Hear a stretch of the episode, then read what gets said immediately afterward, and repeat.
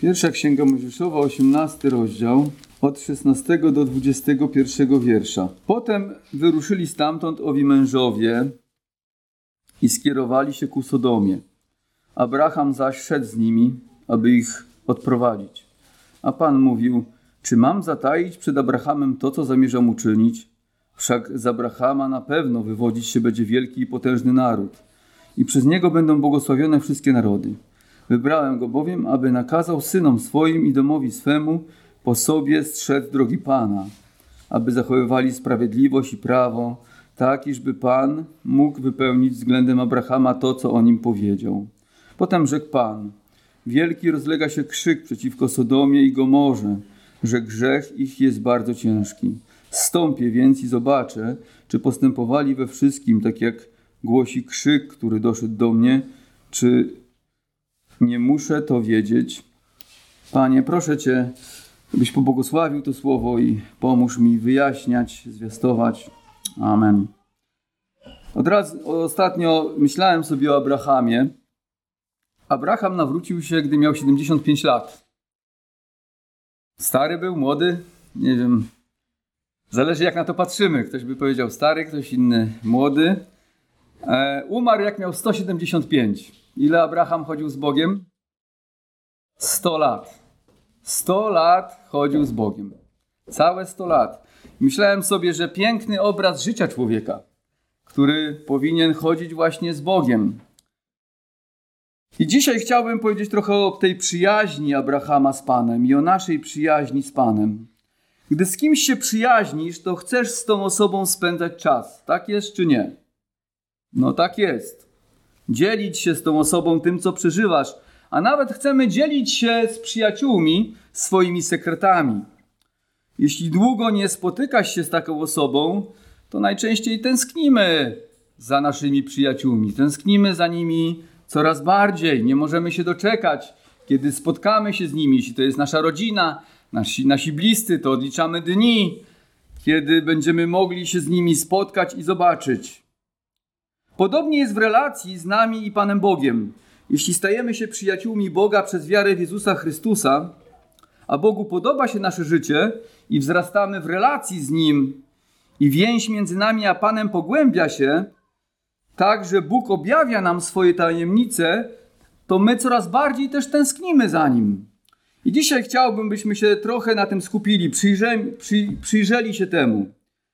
Po pierwsze, widzimy w naszym fragmencie, że Bóg swoim przyjaciołom objawia albo zdradza swoje tajemnice. Zauważyliście, czytając nasz fragment, 17 wiersz, a Pan mówił, czy mam zataić przed Abrahamem to, co zamierzam uczynić? Nie chciał zataić przed Abrahamem swojej woli, tego, że zamierzał zniszczyć Sodomę i Gomorę. Jak wiemy, Abraham przyjął niebiańskich gości i otrzymał szczegóły obietnicy związanej z przymierzem. Bóg obiecał mu, że za rok od tego spotkania Sara będzie miała syna, któremu ma dać na imię Izaak. Mówiłem o tym, mam nadzieję, że pamiętamy. Izaak to znaczy śmiejący się. Śmiejący się, prawda? Dziwne imię trochę, ale wiemy, że to jest związane z tym, że Pan Bóg rozradował serce Sary i serce Abrahama. Następnie po wizycie u Abrahama Pan zamierzał udać się jeszcze w jedno miejsce, na wschód do Sodomy i Gomory. Odległość, która dzieliła miejsce zamieszkania Abrama od tego miejsca, gdzie leżała Sodoma i Gomora, to około 30 kilometrów. To więc Abraham widział tą dolinę. Pamiętacie, gdy Lot tam postanowił pójść, to on osiedlił się tam dlaczego? Bo on widział roślinność, widział piękną dolinę kwitnącą.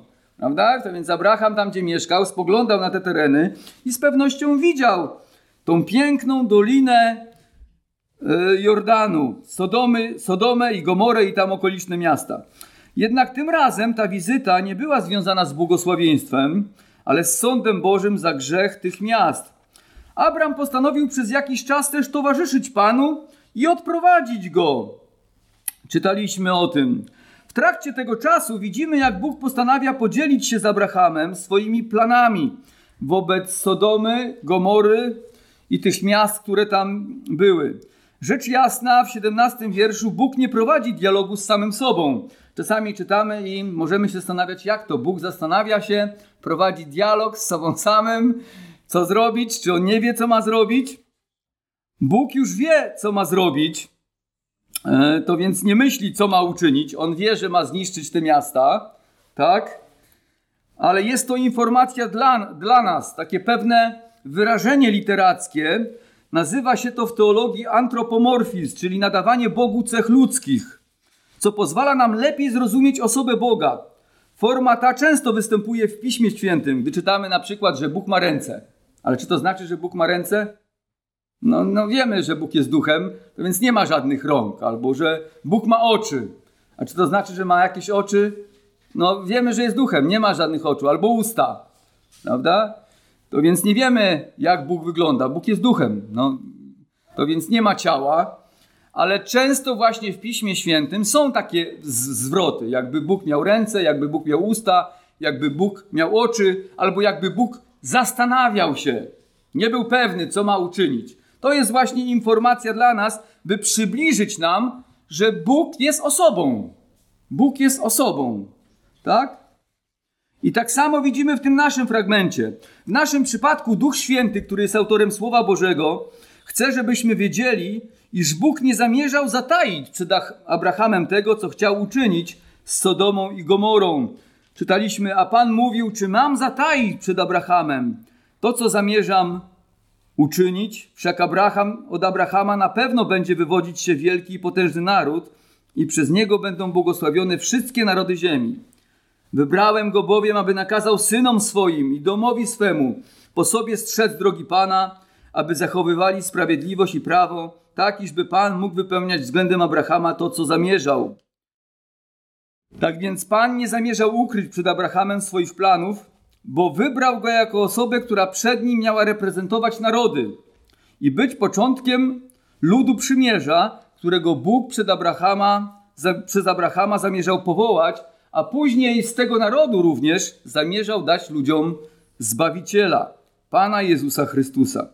Pan uważał Abrahama za swojego współpracownika i przyjaciela w wielkim planie zbawienia. To jest niesamowite, że my możemy być przyjaciółmi Boga. Abraham był przyjacielem Boga. Bóg uważał go za swojego przyjaciela. Gdy mówi, że go wybrał, to dosłownie te słowa znaczą: Ja go znam. Ja go znam. Ale czy Bóg kogoś nie zna? No, zna nas wszystkich. Ale chodzi o to, że gdy mówi, że go zna, to znaczy, że on wie, że on kocha go. On wie, jaki on jest. On wie, że on ma szczery charakter. On wie, że on wierzy w niego. Czyli Pan jest blisko związany z Abrahamem duchową więzią do tego stopnia, że chce objawiać mu swoje tajemnice. Kilka razy Słowo Boże nazywa Abrahama przyjacielem Boga. Na pewno, gdy czytaliście Biblię, to zobaczyliście, że kilka razy właśnie jest odniesienie, że Abraham jest przyjacielem Boga. W Jakuba w Nowym Testamencie możemy otworzyć drugi rozdział, 33 wiersz. Czytamy tak. List Jakuba 2:33 i wypełniło się pismo, które mówi i uwierzył Abraham Bogu i poczytane mu to zostało ku usprawiedliwieniu i nazwany został przyjacielem Boga. Być przyjacielem Boga. Czasami szczycimy się tym, że mamy kogoś ważnego za przyjaciela. Jak ktoś zna prezydenta, wyobraźmy sobie, znamy prezydenta Stanów Zjednoczonych. Albo, nie wiem, prezydenta Kanady. Tak, to jest nasz przyjaciel. Możemy w każdej chwili do niego zadzwonić. Powiedzieć mu, jak się czujemy, co u nas słychać, jakie sprawy mamy. To czujemy się tak wyjątkowo. A tutaj czytamy, że Abraham jest nazwany przyjacielem Boga. Następnie w drugiej księdze Kronik, 20 rozdział, 7 wiersz. Gdy modli się do Boga Jehoszafat, król judzki, to posłuchajcie, on tak się modli. Czy nie Ty, Boże nasz, wypędziłeś mieszkańców tej ziemi przed swoim ludem izraelskim i dałeś ją potomstwu Abrahama, przyjaciela swego na wieki? Więc to była jasna sprawa, że Abraham był przyjacielem Boga. Oraz Izajasza 41:8. Lecz ty, Izraelu, mój sługo Jakubie, którego wybrałem, potomstwo Abrahama, przyjaciela mego. To mówi Bóg. Prawda? Abraham jest moim przyjacielem. To niezłe plecy miał Abraham. Prawda? Miał najważniejszego przyjaciela we wszechświecie. I z pewnością być przyjacielem Boga to jest taki tytuł, który Bóg nadał Abrahamowi, i odnosi się ten tytuł do całego życia Abrahama. Bo dlaczego Abraham był przyjacielem Boga? Abraham był przyjacielem Boga, bo zaufał Panu, będąc mu wiernym i postępując według przykazań Pana i wzrastając w relacji z nim. Pozwoliłem sobie wypisać, przypomnieć przykazania, które Bóg dał Abrahamowi. Pierwsze miał opuścić ziemię, w której mieszkał i udać się w nieznaną drogę. Zrobił to czy nie? Zrobił to. Zrobił to. Opuścił ziemię i poszedł swój dom i nie wiedział gdzie dokładnie i y, zaufał Bogu. Miał zostawić swoją rodzinę. Zostawił? Zostawił ojca w Haranie. Prawda? Być może ojciec nie chciał z nim pójść. Może mówił: Słuchaj, zostań, tutaj będziemy mieszkać. Abraham zostawił ojca w Haranie i poszedł tam, gdzie Bóg mu kazał. Kolejne przykazanie miał zmienić swoje imię z Abram na Abraham. Zrobił to? Zrobił. Miał zmienić imię swojej żony z Saraj na Sarę. Posłuchał również i w tym Pana. Miał dokonać obrzezania siebie, swoich domowników i swojego potomstwa. Czy zrobił to? Zrobił. Bolesna sprawa, trudna sprawa. Obrzezać siebie i swoich domowników. Kilkaset osób prawdopodobnie było jego w obozie. Zrobił to. Tutaj miał inne jeszcze trudne przykazanie. Miał porzucić swoje nadzieje przymierza z Bogiem oparte o Ismaela. Prawda? On myślał, że chociaż Ismael niech zostanie. A Bóg mówi: Nie, to nie chodzi o Ismaela. Ty będziesz miał innego syna, z którego będziesz miał potomstwo później, i właśnie z tym potomstwem ja zawieram przymierze.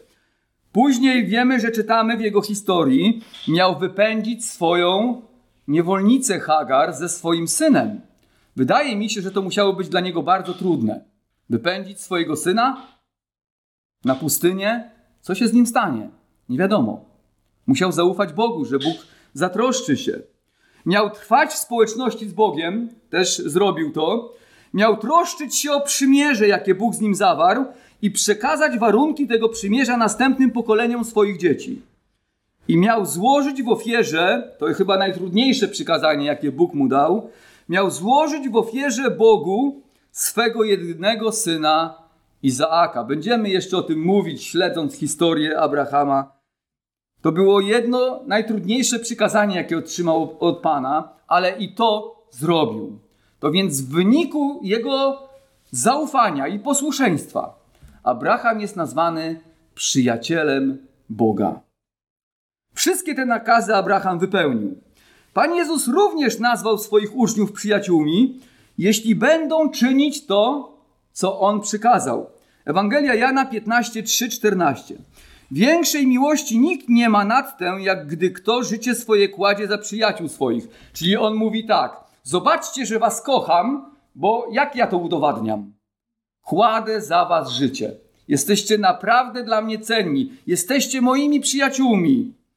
I dalej mówi: Jesteście przyjaciółmi moimi, bo teraz najpierw mówił o sobie, że on uważa ich za przyjaciół. I dalej mówi: To, co należy do nich, do nas. Jesteście przyjaciółmi moimi, jeśli czynić będziecie, co wam przykazuje. Pan Jezus oddał za nas życie i powołał nas, byśmy wierzyli w Niego i okazywali Mu posłuszeństwo. Wtedy jesteśmy Jego przyjaciółmi. Widzimy, że Bóg dzieli się swoimi tajemnicami z tymi, z którymi jest w przyjaźni, jak uczynił to z Abrahamem.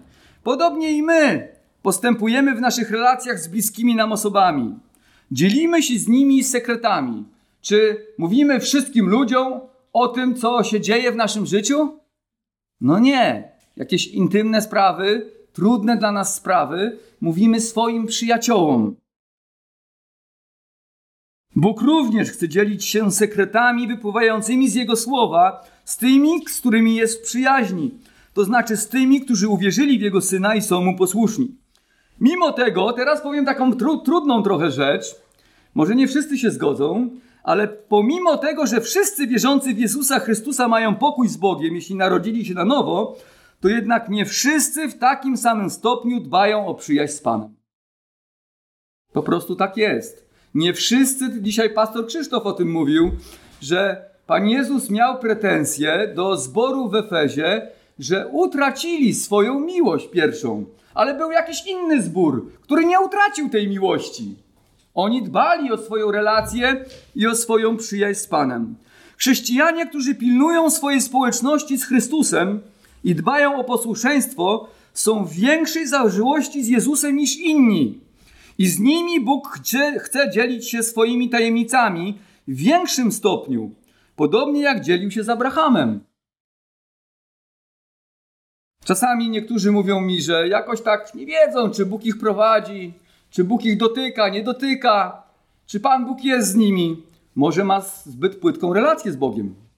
Może jest tak, że masz zbyt płytką relację z Bogiem. No i wtedy nie wiesz. Jesteś trochę jak chorągiewka na wietrze. Bóg chce dzielić się swoimi tajemnicami z tymi, którzy są w głębokiej więzi z Nim. Pan nie chciał zataić przed Abrahamem tego, co miał uczynić z Sodomą i Gomorą, bo uważał Abrahama za swojego przyjaciela. Również ci chrześcijanie, którzy dbają o bliską więź z Jezusem, będą otrzymywać od Pana większą wrażliwość i zrozumienie Bożych rzeczy, a ich poznanie wzrasta. Posłuchajcie tego, co mówi Bóg do Jeremiasza. Czy rzucam jakieś słowa, które nie są w Biblii? Jeremiasza 33:3. Wołaj do mnie, a odpowiem ci i oznajmię ci rzeczy wielkie i niedostępne, o których nie wiesz. Do czego Bóg zachęca Jeremiasza? Mówi: Słuchaj, módl się do mnie, szukaj mnie, a objawię ci więcej niż innym. Dam ci wzrost, będziesz miał większe poznanie niż inni ludzie. Czyli Bóg daje większe zrozumienie swojej woli i tajemnicy Ewangelii tym, którzy rzeczywiście mają bojaźń przed Nim. Dzięki Panu mają większy wgląd i lepszą ocenę sytuacji oraz zakrętów historii. W ten sposób dokonują również lepszych duchowych wyborów w życiu. Osoby zaś nieznające Boga widzą często tylko ciąg zdarzeń i działanie przypadku. Posłuchajcie, co mówi król Dawid w Psalmie 16. Błogosławić będę Pana, że dał mi radę, nawet w nocy poucza mnie serce moje. Czyli Pan w życiu Dawida nawet w nocy działał, prawda? I dotykał jego sumienia, żeby on mógł być właściwie prowadzony. W Psalmie 25 czytamy tak: Społeczność z Panem mają ci, którzy się go boją. On też obwieszcza im przymierze swoje. On też obwieszcza im przymierze swoje. Jeszcze jeden fragment z pierwszej księgi Samuela. Gdy Bóg odrzucił Saula, to wyrzekł takie słowa. Gdyż tych, którzy mnie czczą, ja uczczę, a którzy mną gardzą, będą wzgardzeni. Czyli którzy czczą Pana, mogą liczyć na to, że i Bóg ich uczci. I Bóg ich będzie prowadził. I ich, Bóg im będzie dawał zrozumienie swojego słowa. Wczoraj miałem okazję mieć społeczność z jedną osobą z mojej rodziny. Zaprosiłem na obiad, no i tak rozmawialiśmy sobie właśnie między innymi o Piśmie Świętym. No i ta osoba mówi, ja w ogóle nie rozumiem Starego Testamentu. No myślę sobie, no pewnie, no ciężko zrozumieć, jak człowiek chodzi swoimi drogami. Pan nie daje zrozumienia. Pamiętacie Pana Jezusa w Ewangelii, kiedy czytamy w Ewangelii Łukasza, że otworzył ich umysły na końcu po zmartwychwstaniu, aby mogli rozumieć Pisma? Otworzył ich umysły, żeby mogli rozumieć Jego Słowo. Może ktoś myśli, że jak uwierzyliśmy w Jezusa, to nie możemy być bliżej Pana niż, jesteśmy. Nic bardziej mylnego. Weźmy pod uwagę choćby taki przykład. Gdy kogoś poznaliśmy, czy to znaczy, że nie możemy poznać go lepiej i czerpać więcej z relacji z tą osobą? Oczywiście, że możemy.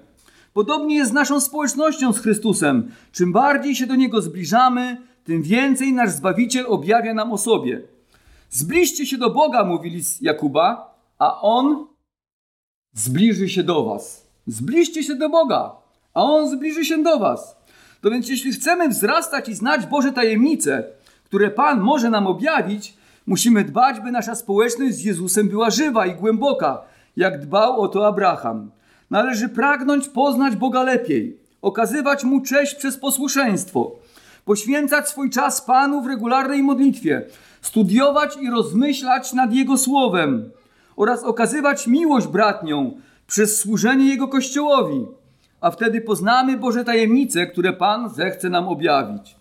Największą Bożą tajemnicą jest tajemnica Ewangelii łaski, którą Bóg okazał nam w Chrystusie, wydając za nas swojego Syna Jezusa za nasze grzechy. To jest największa Boża tajemnica. Ci, którzy tą tajemnicę rozumieją coraz lepiej, skupiają na Chrystusie swe życie w coraz większym stopniu, podobnie jak uczynił to apostoł Paweł. Pamiętacie pewnie słowa apostoła Pawła, kiedy powiedział w liście do Filipian, że wszystko uznał za śmiecie. A dlaczego? Bo bardziej zrozumiał tajemnicę Chrystusa. Zrozumiał, że wobec Chrystusa cokolwiek na tym świecie nic nie znaczy. Wobec poznania Jezusa Chrystusa. Wszystko uznał za śmiecie wobec doniosłości tej wielkiej sprawy, jaką jest poznanie Chrystusa. Nie chodzi o to, że apostoł Paweł gardził wszystkim, ale chodzi o to, że największym skarbem w jego życiu był Jezus Chrystus. Druga rzecz w tym naszym fragmencie to jest taka, czytamy o niej e, w dziewiętnastym wierszu. Dziewiętnasty wiersz.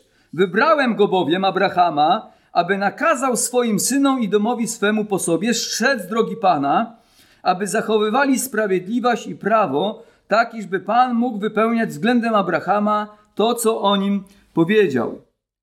To więc druga rzecz, która jest w naszym fragmencie, to znaczy, polega na tym, aby pouczać swoje dzieci o Bogu. Abraham miał uczyć i strzec drogi Pana. Miał uczyć swoje dzieci i strzec drogi Pana, czyli uczyć ich tego, kim jest Pan, jak mają go czcić, co mu się podoba, a czego Bóg nienawidzi. To jest nakaz od Pana dla Abrahama. Miał ich uczyć, by zachowywali prawo, czyli żyli Bożymi przykazaniami, stronili od złego, byli posłuszni słowom Boga, bo dzięki temu Bóg będzie ich i ich dzieci darzył błogosławieństwem, będąc z nimi. Miał Abraham uczyć swoje dzieci o łasce Boga, jego dobroci, miłosierdziu oraz świętości. Wiemy, że Abraham wypełnił ten nakaz. Po pierwsze, obrzezał swoją rodzinę. Tak? Po prostu by nie obrzezał swojej rodziny, gdyby e, nie chciał uczyć ich. Obrzezał swoją rodzinę i domowników. Pouczał ich o przymierzu, jakie zawarł z Bogiem. Gdy szukał żony dla swojego syna Izaaka, to wysłał swojego sługę w strony, z których pochodził, bo jego syn nie wszedł w związek z osobą, która pochodziła z innej kultury i miała inne pogańskie przekonania. Gdy czytacie tam te fragmenty, to zobaczycie, że Abraham obawiał się, że jego syn Izaak mógłby mieć za żonę kogo? Pogankę, kananejkę. On bał się, że mógłby wziąć sobie za żonę. To więc on przywołał swojego sługę i mówi: Słuchaj, ty idź załatw żonę z tego rejonu, gdzie ja pochodzę. Bo te kobiety są bezbożne i ja bym nie chciał, żeby jedna z tych kobiet y, stała się żoną mojego męża. Bał się, że po prostu ona mogłaby mieć zły duchowy wpływ na życie Izaaka. To więc zatroszczył się, żeby poznać Izaaka z właściwą osobą. Prawda? Zobaczcie, znalazł dla niego żonę. Odpowiednią, właściwą kobietę. Mało tego, powiedział też swojemu słudze, mówi, słuchaj, ale gdyby się stało, że Izaak chciałby tam iść z tobą, do tego miejsca, skąd ja pochodzę, to nie prowadź go tam za żadne skarby. Dlatego, że wiedział, że przymierze dotyczy ziemi kananejskiej. I bał się też, że gdyby Izaak się przeprowadził w tamte rejony, to przymierze mogłoby się nie wypełnić. Czyli zobaczcie, troszczył się o to, żeby jego potomstwo dochowywało warunków przymierza. Przekazywał swoim domownikom i swoim synom to, co było związane właśnie z przymierzem i uczył ich o Bogu. Dzięki objawieniu wiedział, że lud kananejski był przeznaczony na zagładę i troszczył się o to, aby jego syn miał właściwą małżonkę, i żeby nie oddalił się z tego miejsca, gdzie Bóg miał dać Abrahamowi i jego potomstwu ziemię. Później czytamy o Izaaku, że Izaak wyszedł na pole i się modlił. Nie wiem, czy zauważyłeś to, ale gdy czytasz ten fragment, to zobaczycie, że Izaak modlił się, gdy Rebeka jechała do niego, on był na modlitwie. A skąd Izaak wiedział, że trzeba iść na modlitwę? Skąd? Wydaje mi się, że on widział to u swojego ojca. Że jego ojciec mówił mu o tym, że musisz szukać swojego Boga. Musisz szukać naszego Boga, Pana. I Izaak miał w zwyczaju udawać się na modlitwę. Podobnie i my mamy czynić na wzór Abrahama. Mamy uczyć nasze dzieci o tym, kim jest Pan jak mają mu służyć. Bóg ciągle podkreśla w swoim słowie, że na nas, na rodzicach, spoczywa obowiązek przekazania wiary następnemu pokoleniu. Oczywiście nie jesteśmy odpowiedzialni za to, co nasze dzieci zrobią z tym dziedzictwem, ale mamy to czynić, by miały możliwość znać Pana. W Księdze Powtórzonego Prawa czytamy: Być może nie masz dzieci, ale masz wnuki. Może dzieci już dorosły, ale masz wnuki, masz na nich wpływ. Ucz ich o Panu Bogu. Prawda?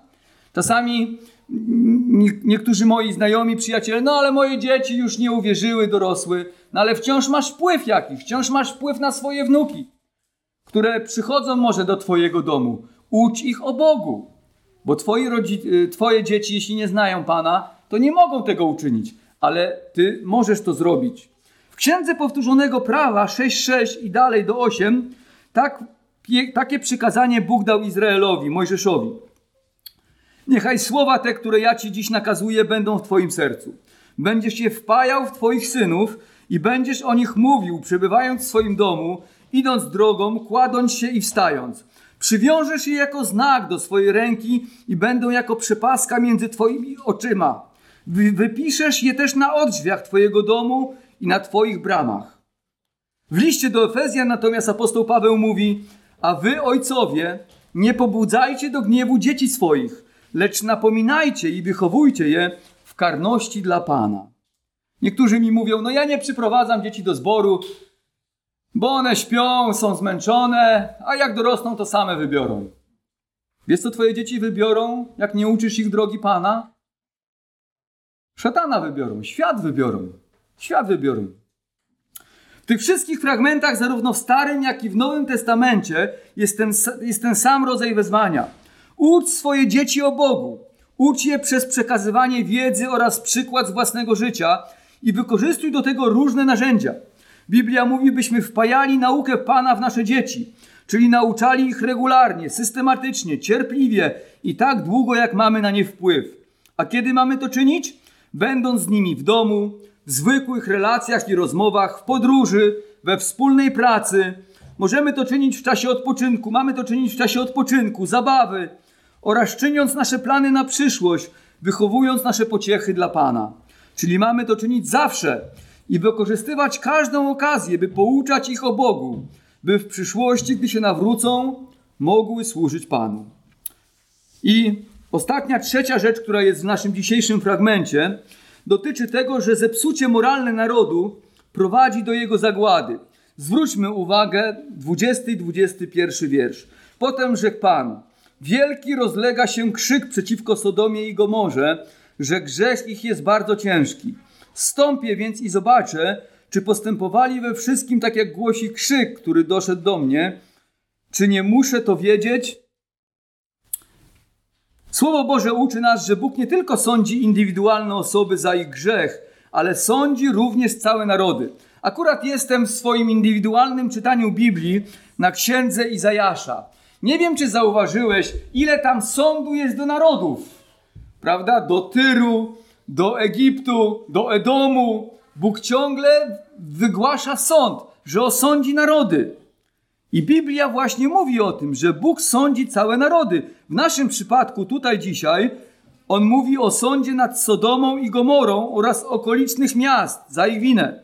W rzeczywistości Bóg ogniem z nieba, być może przez jakiś meteoryt lub przez swoją cudowną moc, spalił w tamtym rejonie cztery miasta: Sodomę, Gomorę, Admę i Seboim, wraz z ich mieszkańcami, ratując tylko Lota i jego rodzinę. Czytamy o tym w Księdze Rodzaju 19:24 oraz w Księdze Powtórzonego Prawa 29:23. Czytamy, że Pan uczynił to w wyniku ich grzechu. Wielki rozlega się krzyk przeciwko Sodomie i Gomorze, że grzech ich jest bardzo ciężki. 20 wiersz. A skąd wziął się ten krzyk, o którym mówi Biblia? Co to za krzyk? To był krzyk tych, którzy zostali skrzywdzeni z powodu zepsucia tej okolicy. Grzech bowiem nie tylko niszczy nasze życie, ale krzywdzi również innych, naszych bliskich, przyjaciół, sąsiadów i ludzi, z którymi mamy relacje. Jeśli na przykład w domu mąż jest pijakiem, alkoholikiem, to tylko sam sobie robi krzywdę? No nie. Cierpi jego żona, cierpi, cierpią jego dzieci, cierpią jeszcze inni jego bliscy, którzy mają z nim relacje. Taki przykład na gorąco. Z ostatnich kilku dni kupiłem dużą ciężarówkę ziemi na ogród, na której miało być 28 ton. Ale okazuje się, że zostałem oszukany. Ziemi na niej było około 3 czwarte umówionej ilości. Bez powodu zostałem okłamany przez człowieka, któremu uczciwie zapłaciłem za usługę. No i do kogo mam przyjść? Do Boga. I ludzie po prostu często wołają do Boga. Panie, wejrzyj na tą niesprawiedliwość. Podobnie było w Sodomie i Gomorze. Ludzie krzyczeli z powodu niesprawiedliwości, która tam się działa. Grzech Sodomy i Gomory miał różne oblicza. W dużej mierze polegał na rozwiązłości seksualnej, którą był homoseksualizm, ale nie tylko. Co wynika z 19 rozdziału wiersza 5, gdzie czytamy, że mieszkańcy miasta chcieli, by Lot wydał swoich gości, by mogli ich zgwałcić. Tak? No bo tak było. Księdze Izajasza w trzecim rozdziale, dziewiątym wierszu czytamy o innych grzechach tych rejonów, które przyczyniły się do ich zagłady. W Izajasza 3,9 czytamy tak. Zuchwałe ich oblicze świadczy przeciwko nim, a o swoim grzechu mówią bez osłonek jak Sodomczycy. Nie ukrywają go. Biada ich duszy, gdy sami zgotowali sobie nieszczęście. Czyli kolejnym grzechem był brak wstydu. Z grzechem jest tak, że eskaluje. Z początku jest ukrywany i odbywa się w ciemności, ale z czasem zaczyna być prezentowany jako powód do chluby. Oczywiście grzech jest zły, ale grzech bez poczucia wstydu jako powód do dumy jest jeszcze gorszy. To kolejny krok w zepsuciu i taka była właśnie Sodoma i Gomora. Społeczeństwo przyjęło wzorce przeciwne, Bogu i promowało je w kulturze, co stępiało sumienie ludzi i zaczynali grzeszne wzorce akceptować jako coś dobrego. Nie wiem, ja już żyję trochę lat, ponad 40, może nie za długo, ale już trochę ponad 40, niektórzy są starsi ode mnie, ale jeszcze 40, 60 lat temu ci, którzy pamiętają, jak wyglądała telewizja. Zupełnie inaczej. Kryto się na przykład z nagością, nie pokazywano pewnych scen w filmach. A weź dzisiaj włącz jakiś film, tak? Zobaczysz, ile tam jest scen. Po prostu grzech eskaluje, grzech rozwija się. Ludzie tracą poczucie wstydu. Podobnie dzieje się z dzisiejszymi zachodnimi społeczeństwami, które promują i przedstawiają homoseksualizm jako współżycie przed, oraz jako współżycie przed ślubem, jako postęp i powód do chluby, a ludzi, którzy się temu sprzeciwiają, jako złych. Nawet chrześcijanie ulegają wzorcom kulturowym, bo nie chcą być napiętnowani, odstawać od społeczeństwa lub dają się przekonać przez autorytety świata nauki, publicystyki oraz mody. A ile razy to ja słyszałem od chrześcijan, no ale nauka to udowodniła, że homoseksualizm to nie choroba, prawda? Tylko człowiek naturalnie tak rodzi się. To nie zboczenie. A jednak jak, jakkolwiek przekonująco świat i otaczająca nas kultura świadczyłaby, że Boże wzorce nie odnoszą się do naszych czasów lub zmieniły się, to grzech w Bożych oczach zawsze pozostanie grzechem, niosąc za sobą zniszczenie i przekleństwo. Grzech bowiem pozbawia nas i społeczeństwa opieki Bożej i błogosławieństwa. Jeszcze większe światło na zepsucie Sodomy rzuca nam Księga Ezechiela. Księga Ezechiela 16, 49 i 50. Zobaczmy. Oto winą Sodomy twojej siostry było to, wzbiła się w pychę, miała dostatek chleba i beztroski spokój wraz ze swoimi córkami, lecz nie wspomagała ubogiego i biednego. Były wyniosłe i popełniały obrzydliwości przed obliczem moim, dlatego usunąłem je, jak widziałaś. Samo posiadanie dobrobytu nie jest grzechem. To, że masz, że Bóg ci błogosławi, to nie jest grzech. Jednak posiadanie i zamykanie swojej pomocnej dłoni dla potrzebujących, i niewspieranie tego, co dobre i Boże, jest grzechem, bo Bóg nie daje nam obfitości, byśmy wzbijali się w pychę lub wzrastali w egoizmie, ale daje nam wszystkiego pod dostatkiem, mówi Słowo Boże, żeby co robić? By używać tego dla Jego chwały, by hojnie dzielić się też tym, co Bóg nam daje. Więc kolejną winą Sodomy i tej okolicy było, że ludzie tam żyli hedonistycznym życiem, wyłącznie dla swojej przyjemności, by zaspokajać swoje pożądliwości i apetyty, podobnie jak wiele osób czyni to dzisiaj. Prawda? Czyni to dzisiaj. Niestety dzisiejsze społeczeństwa bardzo szybko podążają w kierunku sodomitów. Wystarczy przyjrzeć się zachodniej Europie, Stanom Zjednoczonym, innym rozwiniętym społeczeństwom. Schodząc na ich drogę, jeśli nie nadejdzie jakieś otrzeźwienie, przebudzenie, nawrócenie i powrót do Bożych wartości, to skończy się to w taki sam sposób jak w przypadku Sodomy i Gomory. Bóg wyleje swój sąd i usunie zepsute narody sprzed swego oblicza. A jak to Bóg robi? Ktoś może zapyta. A może pozwoli na wojnę? A może pozwoli na wojnę, że wybuchnie straszna wojna i po prostu usunie te narody sprzed swego oblicza? Być może dzisiejsze zepsucie, które się pogłębia, jest już tym ostatnim. Zepsuciem świata czasów ostatecznych, wraz z Bożym Sądem nastąpi powrót Chrystusa i pełne odkupienie ludu Bożego. Tymczasem dbajmy my sami o to, aż do przyjścia Pana, by nie wsiąkać w grzeszną kulturę obecnych czasów, ale pilnu, pilnujmy drogi Pana, jak Bóg kazał Abramowi. On powiedział: Pilnuj drogi Pana. Strzec mamy drogę Pana, by mógł nas błogosławić i zachować nas przed swoim sądem. Podsumowując, trzy rzeczy. Po pierwsze, gdy jesteśmy przyjaciółmi Pana i dbamy o bliską więź z Panem, Bóg objawia nam swoje tajemnice. Według swojej woli, jak objawił Abrahamowi, co zamierza uczynić wobec Sodomy i Gomory. Po drugie, na wzór Abrahama mamy wychowywać nasze dzieci w bojaźni pańskiej, ucząc je drogi Pana, by miały szansę się nawrócić i służyć Bogu. Wprawdzie nie jesteśmy odpowiedzialni, co one zrobią z tym dziedzictwem, ale mamy po prostu to czynić.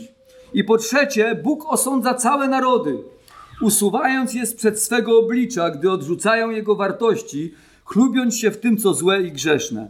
W ten sposób ściągają na siebie przekleństwo, którym jest zniszczenie. My dbajmy o to, żeby nie wsiąkać w grzeszną kulturę, ale strzec, strzeżmy drogi naszego Boga. Amen.